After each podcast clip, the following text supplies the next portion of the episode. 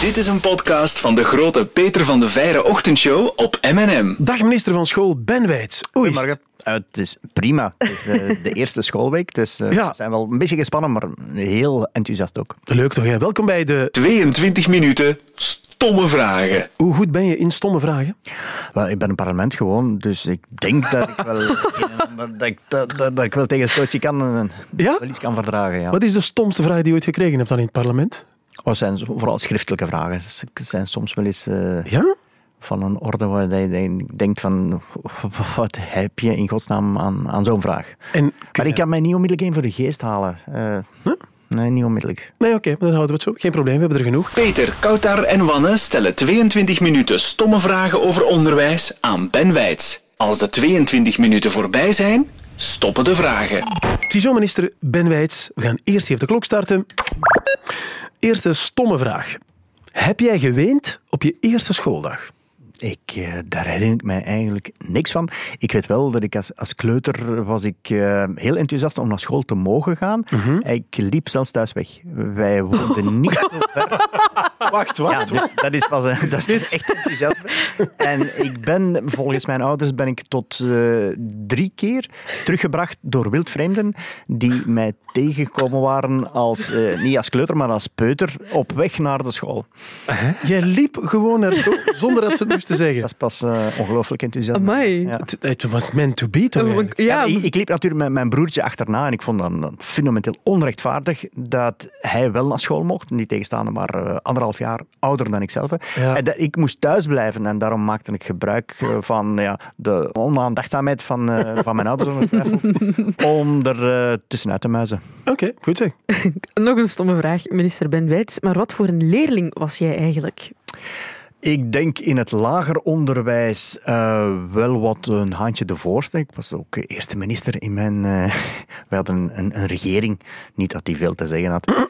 Maar eh, wij organiseerden verkiezingen. Dus, maar in het secundair onderwijs toch een minder eh, aandachtige leerling. En dan zeker ook in het hoger onderwijs niet het beste, meest stichtende voorbeeld voor iedereen, denk ik. Wacht, jij was, jij was de was- Alexander de Croo van het lagere onderwijs. Ja, Eh, in het lager onderwijs, ja. amai. Wauw. Ah, wij hadden een hele leuke. Dus ben, ik heb school gelopen in de gemeenteschool. Dat was echt onder de kerktoren. Ja. Eh, vlakbij waar ik toen woonde. Ehm, en ik ging eigenlijk al vanaf het tweede leerjaar te voet naar school. En dat was een heel hechte gemeenschap. Ik ben er heel dankbaar voor. En dat was ook een, een school die op zijn tijd vooruit was. Bijvoorbeeld om de twee weken organiseerden wij donderdag namiddag was er een, een sport- en speldag. Is eigenlijk onuitgegeven, waar ook een, een, een echte sportschool. En daarboven was er ook eh, het begin van inspraak van, eh, van leerlingen, kinderen. En was er de organisatie van de verkiezingen eh, in het vijfde en het zesde leerjaar, denk ik. En heb je iets van verandering gebracht in, op school? Dat is mij niet Een- bijgebleven. Eh, Maar hij is wel de kracht van verandering zal misschien nog niet de gemeenteschool in het dorp zo gespeeld hebben. Misschien ook een stomme vraag, minister Ben Wijts. Maar hoeveel heb jij gespiekt op school? Eh, hoe gaat dat hier met die jokers? Die dag?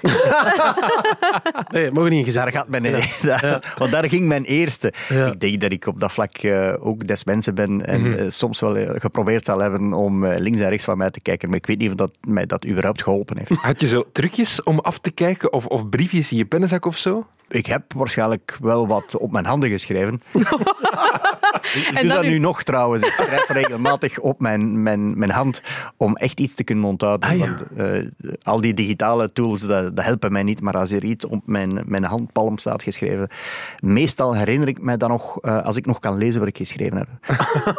Ja, dat soort gedoe. Minister bij Wijts, misschien een stomme vraag, maar er komt een boel geld bij voor extra ondersteuning in de kleuterklas en een boel geld voor mentaal welzijn. Hoe ga je daarvoor zorgen dat de leerlingen zich beter op school voelen? Ja, wel, we zorgen ervoor dat eh, de CLB's, de Centra voor Leerlingenbegeleiding, dat is toch het eerste aanspreekpunt als het gaat over dat mentaal welzijn.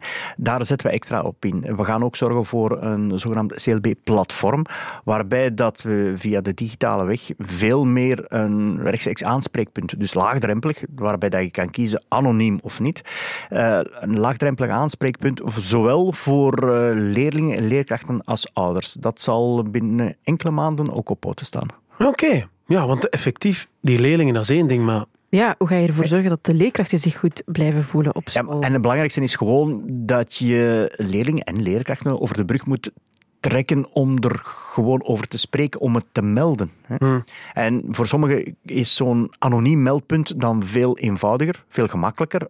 Bij wijze van eerste stap. En daarna kunnen die dan misschien wel ook met naam en toenaam voor het voetlicht treden. Maar ik denk dat het soms wel handig is om ook eh, anoniem eerst die stap te kunnen zetten. Mhm. En daar wordt een boel geld voor vrijgemaakt. En daarvoor, eh, wij hebben nu de, de CLB's, die zijn nu eigenlijk nog vooral bezig geweest met contactonderzoek. Is in het kader van de corona. Daarvoor hebben we meer dan 300 extra personeelsleden kunnen inzetten. We gaan die nu veel meer vrijmaken om ook aandacht te besteden aan dat mentaal welzijn, dus in die klasse. Mhm. Misschien een stomme vraag, maar eh, als minister ben je ook altijd de charel. Je bent bijvoorbeeld al bedreigd geweest, een paar jaar geleden politiebescherming nodig gehad en zo. Gebeurt dat nog altijd? Ja, maar dat is soms met, eh, met opstoten. Bijvoorbeeld ten tijde van de beslissing van het, eh, het heropenen van de scholen is het wel heel erg geweest op een bepaald moment. Dat, dat ik dan ook gedacht heb van, ja kijk, je, bent, je wordt wel veel gewoon, maar op een bepaald moment bekijk je dat eens nuchter. En verschillende bedreigingen wat op een rij zetten. En ook als uw familie dan bedreigd wordt, ja, dat is wel een grens die dan wordt overschreden. Dan ben ik wel naar de politie gestapt en er zijn momenteel wel eh, ook procedures lopen. hè. Mhm. Langs waar krijg je die bedreigingen dan? Is dat via de post of, of Eh, dat- Facebook? Of... Dat gaat vooral via, via mail. Hè. Mhm. Eh, al dan niet unaniem, of ook eh, briefjes. Ik denk dat er ook zo wel eens een, een, een bedreiging is binnengekomen bij ons op het kabinet. Om te zeggen van er- er wordt een, een aanslag gepleegd eh, of er gaat een briefbom komen. Wat iets origineel is, is iets anders dan een bombrief. Een briefbom. Een briefbom. eh, daar- daarop heeft de politie dan toch ook veiligheidshalve en, en de zogenaamde search gedaan van, van het kabinet. En Ja. niet geen eh, Ja. Geen briefbom eh, gevonden. gevonden. Nee. Nee, maar social media is beenhard. Eh, lees jij die negatieve commentaren nog? Nee, niet allemaal, maar het zijn er eh, zoveel, zowel de negatieve als de positieve. Ja. Eh, maar ja, dat, dat moet je wel wat uh, tegenharden. Hè. Ik hoop vooral dat mijn kinderen dat niet altijd lezen. Ja, maar praat je daarover met je kinderen? Ja? Ik probeer dat wel te doen, ja. Ik probeer hem bij te brengen dat je echt wel moet relativeren dat sociale media nu niet bepaald het beste in elke mens naar boven brengt. Nee. Uh, dat je dat moet een plaats geven. Uh, maar dat is niet zo simpel. Uh, de, mijn, mijn kinderen reageren er anders op. Mm. Maar mijn zoon kan dat gemakkelijk van zich afzetten. Die gaat ook altijd zeggen, uh, ben uit, die, die ken ik niet. uh, maar, Ze negeren uw bestaan eigenlijk. Dat is wel Dat vind ik prima. Mijn dochter is iets, uh, iets anders. Die, die, zou zeggen, ja, en dan heb je er iets tegen misschien. Echt? ja, dus, ja, dat is een ander temperament. Uh, dus. Ik, ik onthoud vooral, ken ik die? Fantastisch. Ontkennen van je vader. Het is toch, uh, zouden we toch zorgen over maken? Ik vind het fijn zo. Ja, oké, okay, goed. Ja. Het is wel een leuke anekdote. Hij was op een voetbalkamp en uh, hij werd voorgesteld van, ja, dit is uh, mijn zoon.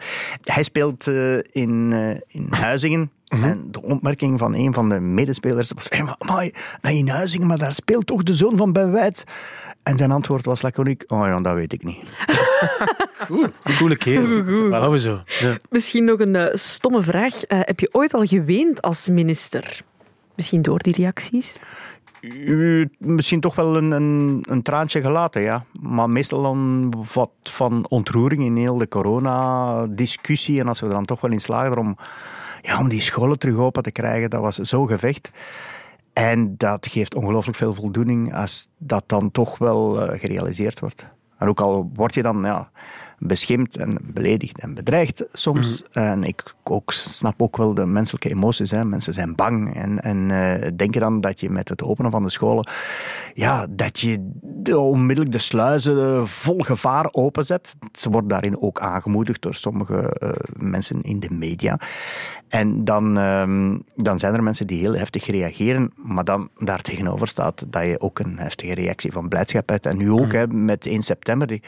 Ik zat er echt mee, dacht van het, kinderen en jongeren het perspectief geven dat ze op 1 september opnieuw aan de slag zouden moeten gaan met zeven uur aan zeven uur aan één stuk met een mondmasker, mm -hmm. ja, dan gaat toch niemand met goesting naar 1 september toe gaan. Nee. Daar hebben we echt wel uh, hemel en aarde bewogen om dat te, te lossen.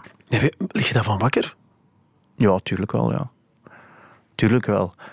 Ja, als het gaat over kinderen en jongeren, dan, uh, Ja, dus niet volwassenen, maar uh, waarbij nog meer wij beslissen over de hoofden van mhm. kinderen en jongeren heen. En je krijgt toch ook niet uitgelegd dat wij vandaag fundamentele rechten en vrijheden van kinderen en jongeren uh, moeten beperken omdat sommige volwassenen zich niet willen laten vaccineren. Mm dat is toch wel, kunnen we daarmee alstublieft stoppen of kunnen die beperkingen op de rechten en vrijheden van zowel gevaccineerde volwassenen als van kinderen en jongeren, kunnen we dat been afbouwen alstublieft? En kunnen er al voor zorgen dat diegenen die ja, terechtkomen op intensieve zorgen, dat zijn de niet gevaccineerde volwassenen, dat we die op welke wijze dan ook, maar het is hun vrije keuze uh, om zich niet te laten vaccineren. Wel, daarvan moeten kinderen en jongeren toch niet, en gevaccineerde volwassenen toch niet te dupe van zijn van hun keuzes. Ja, duidelijk.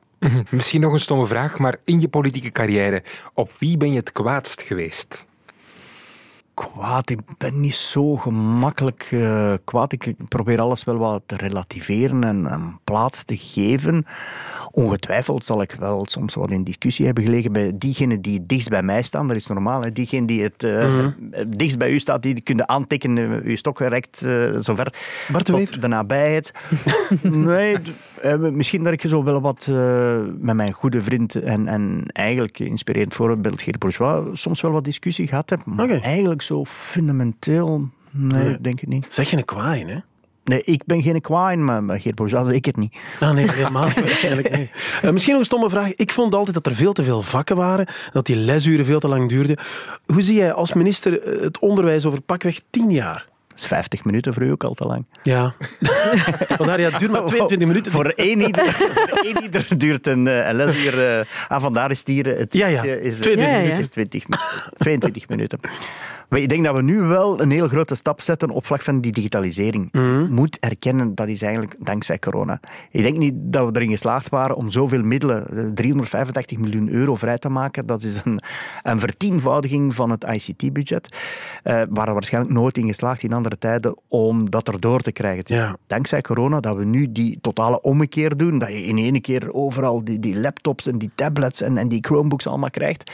En dat ook de leerkrachten echt daarmee aan de slag moeten ook in de, tijdens de lesuren. Hè? Dus dat je dat mhm. kan gebruiken, die eh, ICT-tools, die instrumenten, mhm. om uh, te differentiëren. Dus dat je in één dezelfde les, in één dezelfde klaslokaal, dat uh, sommige jongeren dat die iets anders krijgen gedoseerd, of met andere oefeningen zijn. Bijvoorbeeld diegenen die wat een achterstand hebben, dat je die kunnen remediëren. En diegenen die wat of die mee zijn, of die wat voorsprong willen nemen, dat je die een andere les inhoudt. Dat is betrekkelijk revolutionair voor sommige scholen. Andere scholen zijn er al een beetje mee bezig. Maar ik denk dat het hier wel de, de, de, de zaadjes uh, planten. Het lijkt wel een beetje, het lijkt wel een beetje een soort Spotify in, in de klas. Zo. Ja. ja. Iedereen kan zijn eigen pakketjes beginnen gaan krijgen, zoals straf. En ik denk ook dat we op vlak van het zogenaamde hybride of blended leren mm. ook wel een, een ommekeer gaan bewerkstelligen. Ik kijk bijvoorbeeld naar uh, vijfde en zesde jaar secundair onderwijs. Moeten we die nog allemaal voltijds in de klas? Nee, je kan die misschien een beetje meer gaan responsabiliseren, meer gaan voorbereiden mhm. op het hoger onderwijs, waarbij dat ze veel meer zelfstandig gaan moeten uh, zijn.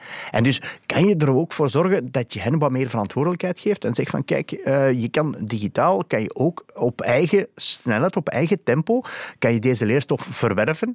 En uh, aan het eind van de rit word je natuurlijk geëxamineerd, maar doe het volgens je eigen inzicht en neem zelf verantwoordelijkheid. Dus zo kan je hen misschien ook beter voorbereiden op ofwel de arbeidsmarkt, ofwel op het hoger onderwijs. Maar dat is voor over tien jaar misschien dan. Kleinere scholen dan ook misschien. Dat zou kunnen. Zou kunnen. Um, kan misschien ook zelfs een, een beetje voor het lerarentekort ook ten dele een oplossing zijn. Dat je ervoor zorgt dat, uh, dat leerkrachten misschien ook uh, gebruik maken van blended leren, van hy het hybride leren. Een stukje mm. in uh, de, de klas, maar ook een stukje van op afstand. Nu we toch al een sprong naar over tien jaar hebben gemaakt, denk je dat je dan nog minister zal zijn over tien jaar? Over tien jaar, ik zou het niet weten. Ik, ik, ik heb het voordeel gehad dat ik, uh, ja, sinds ik afgestudeerd ben van de universiteit, ben ik eigenlijk onmiddellijk in de politiek gerold. Mm -hmm. uh, ik zeg altijd, nooit gewerkt, altijd in de politiek geweest. en, en daardoor heb ik alle zogenaamde de, de back-office, dus de, als medewerker van een partij, als medewerker van een kabinet, en zo altijd een beetje na, naar boven gegaan, uh, woordvoerder geweest, directeur van een politiek secretariaat, kabinetchef geweest, En dan leer je ook wel de, de ins en outs van een politiek wel wat kennen. Leer je vooral relativeren.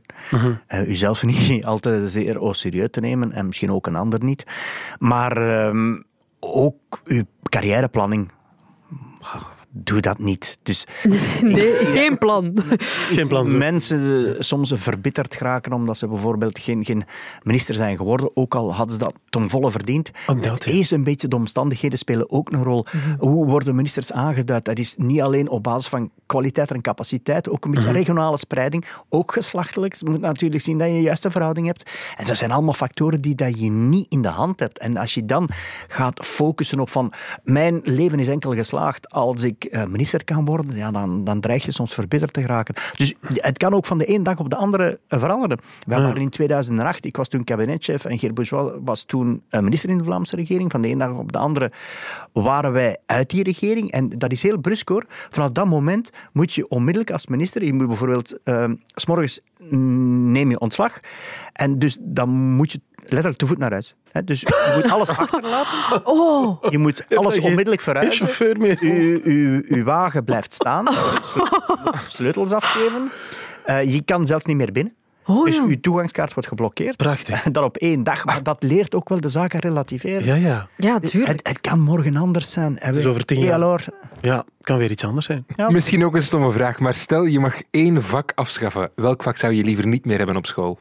Ik had een bloedtekel, en sorry voor alle leerkrachten ter zake, ik had een bloedtekel aan fysica. Ah, Ah, fysica. snap ik. Ja, fysica. ja, ja. Ik vond dat wel nog leuk Ja. eigenlijk. Ja, ja, nee. Oké, ziezo. Fysica is afgeschaft bij deze. Stom vak, meneer de minister. Ehm, welk vak zou je nu zelf graag eens geven? Mag ook iets nieuws zijn. Ik zou graag geschiedenis geven, lichamelijke opvoeding, eh, Nederlands. Ehm, Dat is een eh, heftige combinatie. Lijkt me al meer dan genoeg. ik denk dat dan een vol uurschema al. Sowieso. Misschien nog een stomme vraag. Je hebt zelf kinderen, we hebben het er net al over gehad. Eh, ga je zelf naar het oudercontact? Veel te weinig. En momenteel verloopt dat ook wel digitaal. ehm, maar ik, eh, ik doe ze zeker niet allemaal. Ja. Dat is... eh, Dat is ook... Gelukkig stellen, stellen er zich eh, geen al te grote problemen eh, bij, bij geen van mijn eh, beide kinderen. Maar inderdaad, dat is in eerste instantie vooral een job voor mijn echtgenote. Maar ik, zij brieft mij wel hoor. Heel diplomatisch. Ja. Dus niet allemaal en ze brieft me. Ja. Ja. Vind ik mooi, vind ik mooi. Zeg, nog een stomme vraag, maar eh, die twee maanden vakantie, gaan we dat echt op die manier blijven doen zo?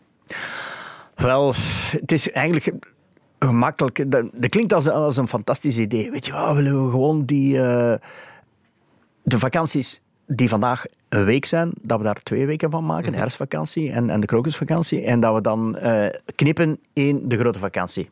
Klinkt eh, eenvoudig. Alleen de repercussies voor de hele samenleving daarvan zijn ongelooflijk. Ik, ik zeg maar voor jeugdkampen, voor de toeristische sector, voor het bedrijven die plots moeten zoeken dat ze bepaalde perioden, dat ze toch mm, dat mensen dan op een andere periode op vakantie gaan. Dus heel uw samenleving zal anders georganiseerd moeten worden. Ik ga geen enkel debat uit de weg, maar soms klinken ideeën wel heel simpel. Oh ja, dat gaan we doen. Maar als je dan eh, even gaat nadenken over alle praktische consequenties van een en ander, voor gescheiden ouders bijvoorbeeld, om het allemaal geregeld te krijgen, en het verdelen van, van de vakantieregeling. Ehm, en vandaar dat ik ook eh, daarom het advies heb gevraagd aan de, eh, de SERF, de Sociaal-Economische Raad voor Vlaanderen. Zeg maar, daar zitten alle geledingen van de samenleving om zich daar toch eens rustig over te buigen. Ik weet wel, in Wallonië heeft men die beslissing al genomen. Maar als je de rekening bekijkt in Wallonië, hetgeen dat het aantal vakantiedagen die men toevoegt en het aantal vakantiedagen dat men afschaft, in totaal zijn er meer vakantiedagen. Ja, en dus dat wil zeggen minder lesdagen. Ik weet niet welke zegen dat je dan hebt gerealiseerd voor de onderwijskwaliteit. Ja, dus voorlopig gaat er nog niet van komen. Oh, voorlopig alleszins niet. Dat is toch niet iets dat je holder de bolder eh, en eh, over, je kan niet over één nacht ijs gaan. Ja. Eh, misschien nog een stomme vraag. Je hebt een tijd geleden een dolle actie gedaan waarbij je soep uitdeelde aan studenten. Mr. Ben Wijts, ik zie u glimlachen, dat is mooi. Ik vroeg mij gewoon even af, wat is jouw lievelingssoep? Oh, gewoon tomatensoep met balletjes. Ah, oké toch. Ja. En kip of, of echt gewoon varkensbolletjes? Oh, varken, de kip is een beetje lichter, hè? Ja, Dus een beetje. maar kip, ja. En zelf grote balletjes of uit een pakje? Nee, verse balletjes. Ah, ja. Verse gefraaide balletjes, zeg. Eh, nog een stomme vraag. Misschien, waarom draagt de minister altijd een net pak? En draag je dat zelf eigenlijk graag? Ik draag dat niet altijd uh, voor de gelegenheid. Ja, dus zo'n gezelschap als dit hier. Uh, dat, uh, dat hangt een beetje af van van de gelegenheid. En ja, er zijn verschillende meningen daaromtrent. De ene zegt van ja, als je echt wil serieus genomen worden, dan moet je ook een beetje gezag en autoriteit uitstralen. Mm -hmm. Dat kan je. Uh, twee vind ik ook wel, er bestaan ook wel mooie pakken en mooie dassen. Dus ik, ik draag dat ook wel graag. Mm -hmm. Uh, maar op andere momenten doe je dat dan uh, minder. Want dan zegt men, ja, dan, uh, dan toon je je niet als toegankelijk. Hè. Dan ben je niet mee met je tijd. Dus oh, voor, het valt voor allemaal wel iets te zeggen. Maar meestal heb ik wel pak en das aan. Kunnen we jou dan bijvoorbeeld bij de bakker in een jogging spotten? Uh, ja, maar, jogging, ik, ik, loop nooit met een jog. dat, dat zal niet lukken. Ik, uh, ik ga wel regelmatig lopen, maar dan doe ik altijd met korte broek. Uh, maar ja, dat, dat, kan zeker. Dus casual ben ik ook. Ik ga niet met pak en das naar de bakker. Nee. Maar zou je met, met sneakers naar de koning durven gaan? Uh, ook daar vind ik dan wel een noblesse oblige. Uh, ik, uh, dan denk ik dat, je, dat gaan we wel in mijn pak en dak. Pa, pak en dak. Ja, pa, pas en dak. pak en dat, ja. Het mag allemaal, sowieso. Zeg, misschien nog een stomme vraag, niet over onderwijs, maar je bent ook minister van Dierenwelzijn. Tuurlijk. Welk dier zou je graag zijn? Een vogel. Oh, welke vogel? Vogel, oh, maakt niet uit. Eén die kan vliegen, bij voorkeur. Dus gewoon de, de, de vrijheid, de autonomie, uh, alles van bovenaf uh, kunnen aanschouwen. Ja, dat, dat lijkt mij wel wat. Mm -hmm. Een vogel. Stomme vraag, uh, maar ik zie elke keer in onderzoeken dat ons onderwijs achteruit krabbelt. Hoe gaan we dat aanpakken? Met verschillende maatregelen. Dat is een grote bezorgdheid. Je moet weten, wij hebben de zogenaamde PISA-onderzoeken. Dat zijn internationale onderzoeken waarbij mm. dat verschillende landen worden vergeleken op vlak van de onderwijskwaliteit. Het is al 16 jaar dat we daaraan participeren. Dat is al 16 keer dat we eigenlijk erop achteruit gaan. Ja? Niet tegenstaande de wetenschap dat onze, onze onderwijs altijd ja, de sleutel is geweest, het succeselement voor onze welzijn en onze welvaart. Dus daar moeten we gewoon iets aan doen. Er is één, het erkennen van het probleem. Uh, wat willen we daar in concreto mee aanvangen? Wel, één, denk ik de focus op Nederlands. Wij zijn niet meer dezelfde samenleving als twintig jaar geleden. Er zijn veel uh, kinderen en jongeren die een ander thuistaal hebben dan het Nederlands. Je ziet ook dat daar waar dat thuis geen Nederlands wordt gesproken, dat daar de onderwijskwaliteit dikwijls lager is. Dus daar moeten we voor zorgen, focus op Nederlands. We gaan nu zelfs taalscreening eh, organiseren in de derde kleuterklas om te verhinderen dat kinderen nog starten aan het lager onderwijs met een leerachterstand. Want als je start met een, met een achterstand op vlak van de kennis van het Nederlands, ja, dan zal die achterstand alsmaar groter worden, of is het risico heel groot dat het alsmaar groter wordt. En dit risico, 22 minuten zijn zo Ja, dat is, dat ja. is voorbij. Maar toch, Dankjewel voor de antwoorden, Mr. Bengaert. Zin gekregen in meer podcasts van M&M? Check mnm.be.